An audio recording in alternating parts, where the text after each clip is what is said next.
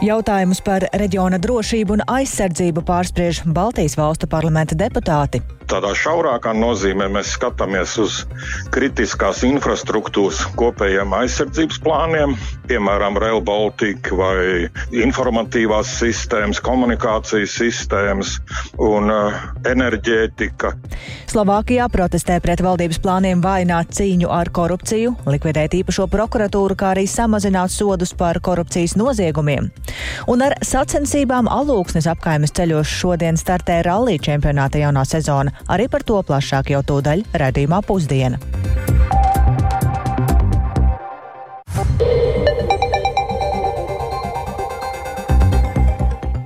Divpadsmit un piecas minūtes skanējumu sāk piekdienas, 19. janvāra raidījums pusdiena ar plašāku izklāstu par šajā dienā būtisko. Studijā Dāca Pēkšēna, esiet sveicināti!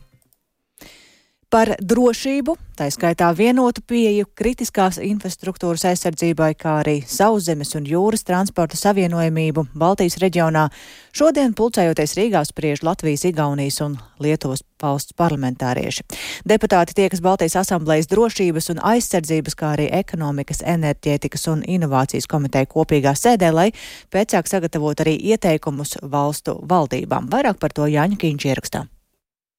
Sēdē plānots spriest par kritiskās infrastruktūras aizsardzību, energoapgādes inženiertīkliem, transporta tīkliem, informācijas un sakaru sistēmām, kā arī zemūdens infrastruktūras aizsardzību. Apspriežam Baltijas mērogā, tomēr kritiskā infrastruktūra pamatā ir katras pašas valsts atbildība. To intervijā redzījumā labrīt norādīja aizsardzības ministra padomnieks Imants Lieģis. Notiek eh, cieša sadarbība, kā jau daudzos jautājumos eh, starp eh, trijām Baltijas valstīm, bet katra valsts ir atbildīga atbildīga iekšēji par savu uh, kritisko infrastruktūru. Un uh, Latvijā ir arī izstrādāti uh, plāni, lai uh, nodrošinātu uh, nepārtrauktību uh, kritiskajā infrastruktūrā. Šie plāni uh, nepaliek vienkārši uz plaukt, bet uh, ar vingrinājumiem, piemēram, kā namēju. Faktiski šie plāni tiek ieviest, viņi tiek noslīpēti, Parlamentāriešu Baltijas asamblē norit ar būtisku piebildu, ka hibrīda kara apstākļos drošības jautājums īpaši cieši savijas ar norisēm ekonomikā. To uzsver Baltijas asamblējas drošības un aizsardzības komitejas priekšstādātāja vietnieks Uģis Rodbergs no jaunās vienotības. Un tādā šaurākā nozīmē mēs skatāmies uz kritiskās infrastruktūras kopējiem aizsardzības plāniem, piemēram, Rail Baltica vai informatīvās sistēmas, komunikācijas sistēmas un uh, enerģētika. Tā kā tas ir divās daļās, mums ir divas sesijas. Viena ir vairāk par to kritisko infrastruktūru, un otra tiešām ir vairāk par to ietekmu uz ekonomiku. Ierasti Baltijas valstu parlamentu deputāti sniegs arī konkrētus ieteikumus valstu valdībām. Baltijas asamblē seko, kā tiek izpildītas vai tiek izpildītas. Tā kā neapšaubām, ka mums būs rekomendācijas, un mēs arī skatāmies, kā iepriekšējās rekomendācijas ir pildītas, nav pildītas, daļēji pildītas. Tā kā tā tāda, nu, sacīsim, valdībām ceļamaize no parlamentāriešiem. Parlamentārieši iepazīstas ar aktuālo informāciju par pārobežu transporta savienojumu darbību un trūkumiem, kā arī pārskatu par trīs jūru iniciatīvu transporta savienojumības uzlabošanai. Svarīgākos kopīgi apspriežamos jautājumus izceļ Baltijas asamblējas ekonomikas, enerģētikas un inovācijas komitejas priekšādātāja vietnieks Andris Kulbergs no apvienotā saraksta saistībā ar energodrošību. Tā ir jāliek kā viena no prioritātēm saskaņot starp trīs Baltijas valstīm enerģētikas stratēģiju. Ko un kā mēs darām ar bāzes jautājumu, ko mēs darām ar pārvadiem. Protams, ka fundamentāls jautājums ir starp trīs valstīm, kā risināt, lai mēs nekavētos Rail Baltiku kur mēs runājām, ka projekts jau ir jāklasificē nevis tā, kā viņš ir šobrīd, kā komerces sociāls projekts ar drošības piesitienu, viņš ir jāpārvērš par drošības objektu un tikai tad komerces. Jānis Kincis, Latvijas radio.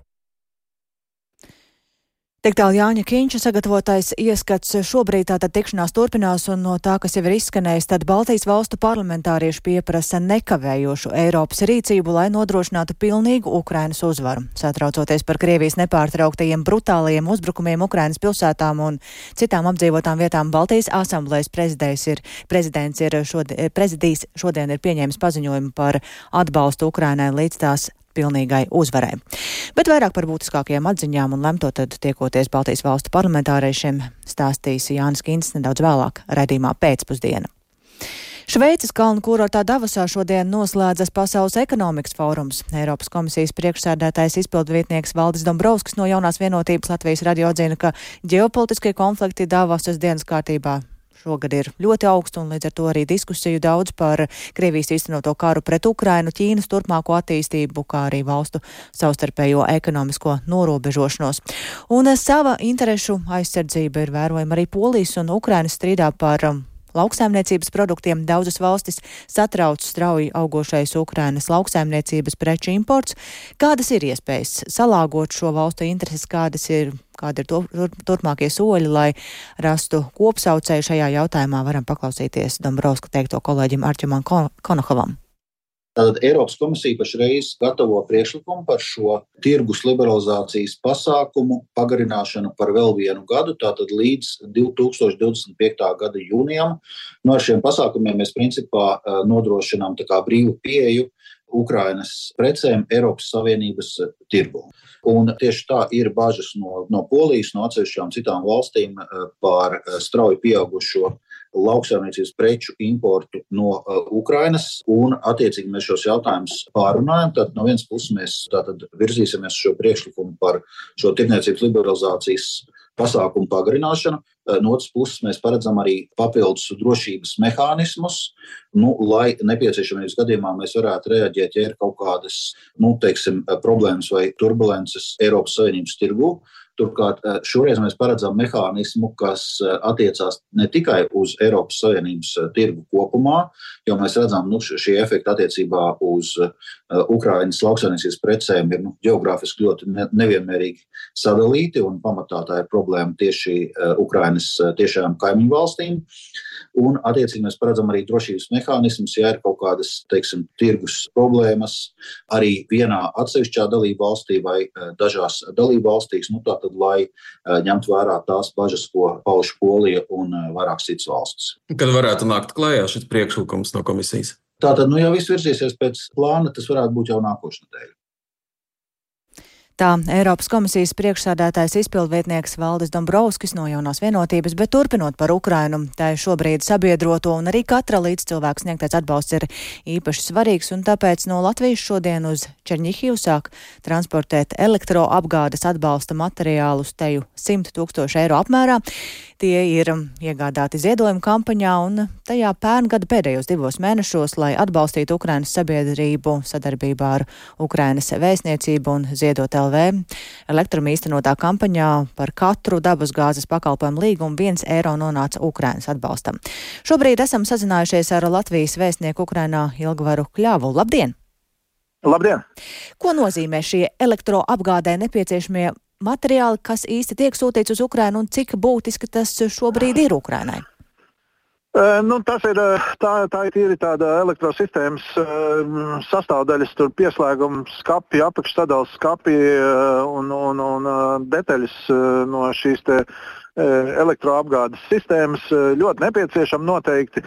Tāpēc, kad um, Krievijas agresijas rezultātā uh, daudz kas no, no Čeņģa Globālā mm, šīs energoapgādes sistēmas tika, tika bojātas un, un, un, un bija nodarīti zaudējumi.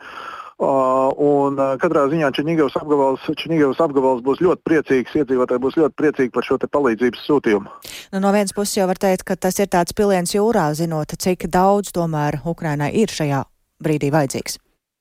Nē, nu, protams, bet uh, katrs, katrs solis uh, kaut ko nozīmē. Katrs solis pareizajā virzienā nozīmē ļoti daudz, un arī, arī, arī šis sūtījums nozīmē ļoti daudz. Uh, tas nozīmē, ka kaut kur būs mazāk problēmu Černīgavas apgabala administrācijai, ka kādi jautājumi būs jau atrisināti pateicoties tieši Latvijas iedzīvotāju sniegtajai palīdzībai. Tās eh, arī ir tās no viņu puses eh, vajadzības, ko viņi ir izteikuši, kas ir šobrīd visvairāk nepieciešams, tā saprotu. Nu, vajadzība ir ļoti daudz. Vajadzība ir ļoti daudz. Ļoti daudz uh, Latvija, kā zināms, ir tieši iesaistīta Čeņģevas apgabalā atjaunošanas darbos. Un, uh, nu, ļoti daudz ir vajadzīgi būvniecības materiāli, celtniecības materiāli, konstrukcijas.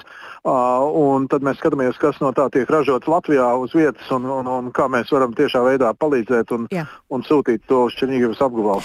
Paldies Latvijas vēstniekam Ukrainā Ilgvaram Kļavam. Runājam par mūsu palīdzību Čeņģevas reģionam. Bet šo šobrīd par notikumiem citviet pasaulē. Slovākijā tūkstošiem cilvēku ir protestējuši pret populistiskā premjerministra Roberta Fico valdības plānu veikt izmaiņas krimināla kodeksā. Bažas par šiem kritizētajiem grozījumiem ir paudis arī Eiropas parlaments un Eiropas prokuratūra. Plašāk Rihards Plūme. Slovākijas galvaspilsētā Bratislavā protests norisinājās ceturtdienas vakarā, kad ielās izgāja aptuveni 25 tūkstoši cilvēku. Vēl tūkstošiem cilvēku protestēja arī citās, kopumā 24 pilsētās. Pirmās protesta akcijas notika jau 7. decembrī Bratislavā, taču ceturtdienas akcija bija visvērienīgākā kopš jaunā valdība paziņoja par tās izstrādātajiem un sabiedrības kritizētajiem plāniem. Jaunais Slovākijas premjers Roberts Fico, būdams pie varas kopš oktobra, tiek pakļauts ar vien lielākam sabiedrības, opozīcijas un Eiropas Savienības spiedienam atcelt vai pārskatīt plānus par grozījumiem valsts krimināla kodeksā. Fico koalīcijas valdības apstiprinātais plāns paredz slēgt slēgt īpašo prokuratūru, kas nodarbojas ar smagāko noziegumu un korupcijas lietām. Tāpat paredzēts samazināt sodus par korupciju un vājināt trauksmes cēlēju aizsardzību, kā arī samazināt noilguma termiņu. Paredzēts, ka lietas no speciālās prokuratūras pārņems reģionālās prokuratūras, kas ar šādiem noziegumiem, tostarp organizēto noziedzību un ekstrēmismu, nav nodarbojušās 20 gadus. Lai pieņemtu šos grozījumus, koalīcija vēlas izmantot pātrināto parlamentāro procedūru. Opozīcijā esošās partijas brīvība un solidaritāte vadītājs Rihards Suliks demonstrantiem norādīja, ka valdības priekšlikumi izskatās tā, it kā tos būtu izstrādājusi mafija. Tikmēr Slovākijas prezidente Zuzana Čaputova pret valdības plānotajiem grozījumiem iestājusies publiski, paužot bažas, ka tie varētu apdraudēt likuma varu. Lūk, ko viņa teica uzrunā parlamentā. Novela zákonov v oblasti trestného práva, o ktorej budete hlasovať. Tās ir izmaiņas, kas pašos pamatos maina pieeju īpašuma un ekonomiskajiem noziegumiem visplašākajā nozīmē, no parastajām zādzībām līdz organizētajai noziedzībai. Nepareizs vai pilnībā nesagatavots uzstādījums var radīt neprognozējumu kaitējumu sabiedrībai un neatgriezenisku iejaukšanos to personu tiesībās, kuras cietušas no noziedzīgām darbībām. Tas ir bezprecedenta gadījums, ka tik lielas izmaiņas krimināla kodeksā notiek bez atbilstoša likumdošanas procesa. Godātie deputāti, jūs gaida ļoti svarīgs lēmums. Uzvara vēlēšanās nenozīmē, ka jūsu varā ir darīt visu. Uzvarēt vēlēšanās nozīmē uzņemties lielāko atbildības daļu. Pienākumu ne tikai par jums, jūsu vēlētājiem, bet par visu valsti un tās nākotni. Ale za celú krajinu a jej budúcnosť. Ņemot vērā, ka vairāki ar Fico partiju saistīti cilvēki ir ierauti korupcijas skandālos, izmaiņas krimināla kodeksā izskatās pēc mēģinājuma pasargāt Fico partijai pietuvināto personu loku. Grozījumu pieņemšana nozīmētu to, ka tiek apturētas vairākas augsta līmeņa izmeklēšanas un tiesas procesi, un dažas lietas, kurās iesaistītas bijušās valsts amatpersonas un uzņēmēji, kuriem ir saistība ar Fico iepriekšējām valdībām, tiks pārkvalificētas par mazāk smagiem nodarījumiem. Fico apgalvo, ka izmaiņas tuvinās vietējos likumus citām Eiropas valstīm un ierobežos politisko neobjektivitāti tiesvedībā. Viedoklis ir arī Eiropas parlamentam, kas apšaubījis Slovākijas spēju apkarot korupciju un aizsargāt Eiropas Savienības budžetu, ja grozījumi tiks pieņemti. Arī Eiropas prokuratūra paziņojusi, ka Slovākijas plāni apdraud Eiropas Savienības finanšu interešu aizsardzību un bloka pretkorupcijas sistēmu. Rihards Plūme, Latvijas radio. Tikmēr pašmājās joprojām daudz neskaidrību ir par Varakļānu un Madonas novada apvienošanu, tāpat arī finansiālās situācijas dēļ ir neskaidra Rēzaknes nākotne. Šos un citus jautājumus klātienē šodien pārspriež vides aizsardzības un reģionālās attīstības ministra Inga Bērziņa no jaunās vienotības viesojoties Rēzaknē, Varakļānu un Madonas novadā. Par novadu apvienošanu ministre cer uzklausīt iedzīvotāju viedokli, lai gan Latgales sabiedriskās organizācijas jau ir iesniegušas atklātu vēstuli, aicinot ministri skatīt jautājumu par atsevišķu atsevišķa Varakļāna novada saglabāšanu, un vairāk par šiem jautājumiem intervijām Latgales studijas kolēģiem stāsta Bērziņa. Mērķis ir tieši risināt varakļānu jautājumu un aprunāties ar iedzīvotājiem gan Rēzeknas novadā, un arī ar pašvaldību, gan eh, Madonas novadā, gan arī varakļānos mēs būsim un arī Murmastienē. Eh, tad, eh, ko cilvēki visvairāk vēlas, kurš tad ir tas novads, kurā viņi vēlētos labāk iekļauties? Un jāsaka, ka šī brīža aptaujas rāda, ka no tiem, kas piedalījās balsojumā vai viedokļu izteikšanā, 95% no varakļānu iedzīvotājiem iedzīvotājiem vēlas, eh, lai tiktu pievienoti Madonas novadam. Bet, eh, kā mēs šodien sadzirdējām Rēzeknas novadā, tad Rēzeknas eh, novads pauda vēstījumu, kuras vēlos arī pateikt, ka Rēzeknas novads ir atvērts un varakļā novada iekļaušanai un labprāt viņus arī mīl un ņemt pretī. Bet, nu, tā kā jāievērtē arī tas, ko cilvēki domā un vēlas šajā gadījumā, un ir saprotams, ka varakļānu iedzīvotāji ilgstoši ir bijuši savulaik Madonas rajonā, un tāda nu, emocionālā saikne bieži vien izveidojās ar to nu, šī brīža novada centru, ar ko tev ir bijusi vēsturiska saistība. Bet, protams, ka Varakļāni ir arī, arī Latvijas zemes. Līdz ar to tas jautājums nav vienkāršs. Esam saņēmuši šo Latvijas kongresa vēstuli, kuri aicina mūsu Varakļānu novadu atstāt kā patstāvīgu novadu. Šobrīd mēs to nesaredzam, jo Varakļānu novads īsti neatbilst ATR kritērijiem, lai veidotu to kā atsevišķu novadu. Līdz ar to mēs kā varam ministrijā iesim ar likuma projektu, kurš paredz Varakļānu iekļaušanu Madonas novadā. Jāsaka, ka varakļāni ir tikai viens no jautājumiem. Mēs pārnājām ļoti daudz jautājumus Reizeknas novada domē, gan par kopējo budžeta situāciju, kāds ir pašvaldībām, un esam pilnīgi viensprāts ar Reizeknas novada domi, ka ir jādomā par pašvaldību finansiālo bāzi, lai pašvaldības justos stabilākas, jo šogad sadzirdam no daudzām pašvaldībām viedokļus, ka grūti ir izveidot un budžetu sabalansēt gan dēļ minimālās algas pieauguma, gan dēļ procentu maksājuma pieauguma, gan arī deinstitucionalizācijas projekts pašvaldības policija. Nu, ir vairākas jaunas funkcijas. Tāpēc noteikti strādāsim kopā pie finanšu izlīdzināšanas modeļa jaunā, kur, protams, galvenais um, šajā gadījumā ir finanšu ministrija, bet jebkurā gadījumā cieši sadarbosimies. Um, tad uh, Reizeknas novadā pārunājām arī jautājumus, kas ir saistīti ar nākotnē plānoto Reizeknas novada un valsts pilsētas apvienošanu, kas ir plānota 2029. gadā šobrīd pēc likuma. Sadzirdējām gan no valsts pilsētas opozīcijas deputātiem, gan no Reizeknas novada, kā viņu vēlme būtu, lai ir arī šis 29. gads, lai nenotiek tas ātrāk, kā varbūt ir iepriekš izskanējis. Nu, šobrīd Mums kā ministrijai nav iecerē mainīt termiņus. Nu, situācija nav vienkārši valsts pilsētā. Vēlreiz vēlos uzsvērt, ka Bartaševits kungsim kopā Latvijai ir iepriekšējos gados noveduši Reizeknas pašvaldību līdz bankrota situācijai, un ir par šo jāuzņems atbildība. Nevis, kā mēs novērojām, gada beigās apzināti jāiet uz domas atlaišanu. Strādāt viņi ir sākuši, bet jāspēj arī pieņemt lēmumu, lai šo budžetu sabalansētu. Šobrīd līdz 22.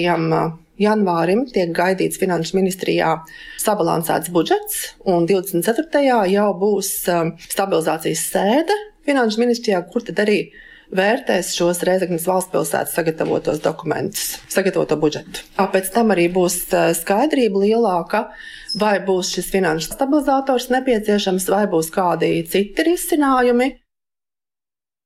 Tālāk vīdes aizsardzības un reģionālās attīstības ministra Inga Bērziņa, bet par citām nedēļām reģionos. Šodien Alūksnē ir atcelta astoņi autobusu reisi. Kopumā pēdējo dienu laikā tie ir 24 braucieni. Iemesls esot uzņēmumā Gulbenes autobusu slimojošie šoferi un, lai problēmas risinātu pašvaldības skolēniem vairākas reizes jau esot norīkojusi savu transportu.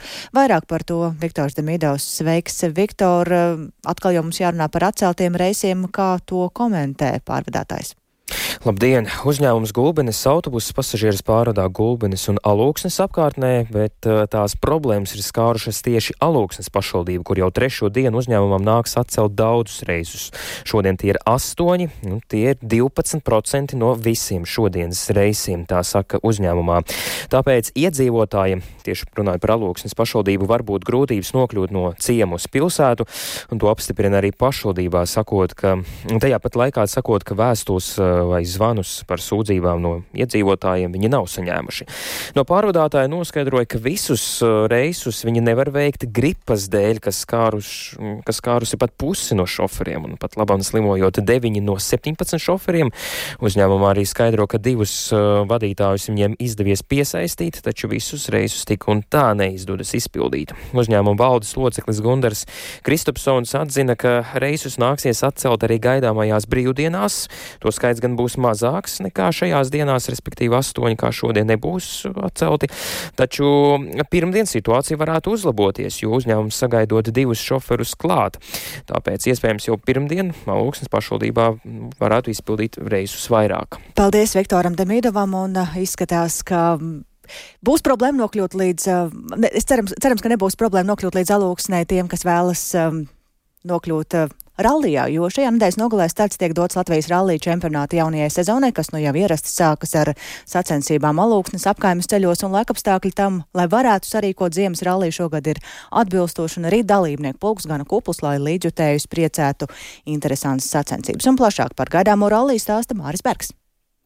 Rallijas alūksne norisināsies jau 11. reizi. Tiesa, pēdējo pāris gadu laikā šis posms Latvijas čempionātā vairāk kārt ir pārcelts uz citu laiku vai pat atcelts pavisam. Ir bijuši gadi, kad sacensības nevar risināties ziemai neatbilstošu laikapstākļu dēļ, bet Covid-19 pandēmijas gados bija jārēķinās ar pulcēšanās ierobežojumiem un masu pasākumu aizliegumiem. Šogad viens no rallija organizatoriem Jūris Osis ar pārliecību var teikt, ka apstākļi ziemas rallijam būs piemēroti nu jau var teikt, ka ir ideāli un viss būs kārtībā. Šie gadi ir devuši tādas mums potas, ka mēs esam izbazūnējuši, ka viss kārtībā un viss ir tā zima ir atkāpusies. Tur kā vajag. Nu, varbūt vienīgais tās kupanas tagad šogad, kā sakarā to atkusniņas būs cietākas, nu nebūs tādas priekšsportistiem, kur atspiesties. Meklējam kaut ko jaunu, ja, ja neatrodam jaunu ceļu, tad kaut kādas sasaistes, meklējam citas. Nu, protams, 11 gadi arī tas jau ir daudz. To ceļu ir tik, cik viņi ir tajā novadā. Un, un, bet Katru gadu ir kaut kas interesants. Šogad arī būs arī viens posms, kas vispār nav bijis nu, pusposms. Neskatoties uz dažādām problēmām iepriekšējos gados, kas bijušas ārpus rīkotāju kontroles, rallija organizatori nesūdzas par atbalstītāju un arī skatītāju intereses trūkumu. Skatītāji ir izsalkuši. Nu, nav bijis tā, ka mēs varētu sūdzēties. Nu, vienu vienīgi augsta ziema būs, bet tā, nu, nē. Tie trīs gadi, nu, protams, deva savu, bet, nu, nē, pagājušajā gadā jau viss bija kārtībā. Jā, ar katru gadu paliek vieglāk. It kā nu, vietējie ir atbalsta, viņi redz mūsu cīņas par, nu, nāk paši, nu, citus uzrunājam, bet nu, ir viss kārtībā. Sacensības alūksnes pusē sāksies jau šovakar. Vispirms svinīgā atklāšanas ceremonija, bet uzreiz no tās ekipāžas jau dosies aizvadīt pirmos divus ātrumposmus, braucot tumsā. Sacensībām pieteikusies 91 ekipāža, ieskaitām vēsturisko spēkratu klases. No labākajām latviešu ekipāžām nav pieteicies tikai Mārtiņš Sēsks, Renārs Francis, kuri alūksnē uzvarēja pērn. Visi pārējie stiprākie pašmāju braucēji būs ierindā. Tāpat startēs komandas no Igaunijas. Lietuvas, arī Polijas un Ukrainas. Vairāki no Latvijas čempionāta dalībniekiem vasarā cer piedalīties arī pasaules čempionāta jeb VRC posmā. Publiski par to izteikušies Emīls Blūms un Matīs Mežaks. Savulaik par Latvijas čempionu rallijā kļuvušais Mežaks halūksnē startēs, gatavojoties tieši VRC. Nebijām plānojuši īstenībā startēt alūksni gribējām sarunu braukt ar Skodu. To arī laikam darīsim, bet um, Škodas tests vai nobraukt ar BMW alūksni izmaksu ziņā ir ļoti līdzīgi, tāpēc izvēlējāmies alūksni. Patestēsim riepus vienkārši, bet uz citas automašīnas. Un, nu, jā, piekdienu izlēmām, kad vajag piedalīties, jo tieši tā apstākļi ir perfekti un negribās laist garām tādu iespēju. Mans šī gada plāns ir tikt līdz startam VRC rallijā ar, ar tādu škodu, tāpēc katrs nobrauktais kilometrs man nāks pa labu. Plānu neatmetīšu, es, es būšu uz starta. Pagaidām vēl viss budžets nav savākts, bet strādājam pie tā un gan jau tiksim Kopumā Lūksnes rallijas šogad sastāvēs no desmit ātrumposmiem. Pirmie divi jau šovakar, bet atlikušie astoņi ātrumposmi notiks sestdien, kad arī noskaidrosies rallija uzvarētāji. Latvijas čempionāta sezona šogad sastāvēs no sešiem posmiem. Nākamais rallijas februārī ir tradicionālais rallijas sārma gulbenes pusē, bet augusta pirmajā pusē notiks arī rallijas cēsis. Vēl trīs posmi Latvijas čempionāta ieskaitē notiks kaimiņu valstīs, divi Igaunijā, bet gada noslēdzošais rallijas rallijas septembra beigās Lietuvā. Māris Bergs, Latvijas radio. Tas tātad par to, ka šovakar sākas sezonas pirmais rallies Rallija Alūksne, bet šobrīd izskan raidījums pusdiena. To producēja Lauris Zvēnieks, ierakstus montēja Uldis Grīnbergs, par labskaņu rūpējās Īvete Zvēniece un ar jums sarunājās Dāca Pēkšēna. Atgādināšu arī to, ka raidījumu pusdiena kā allaža var meklēt arī Latvijas radio mobilajā lietotnē, atrodot dienas ziņas, un tāpat arī Latvijas radio ziņām var sekot līdzi sabiedrisko mediju ziņu portālā un arī Latvijas radio sociālajos tīklos. Uztikšanos jau nākamajā nedēļā. Yeah.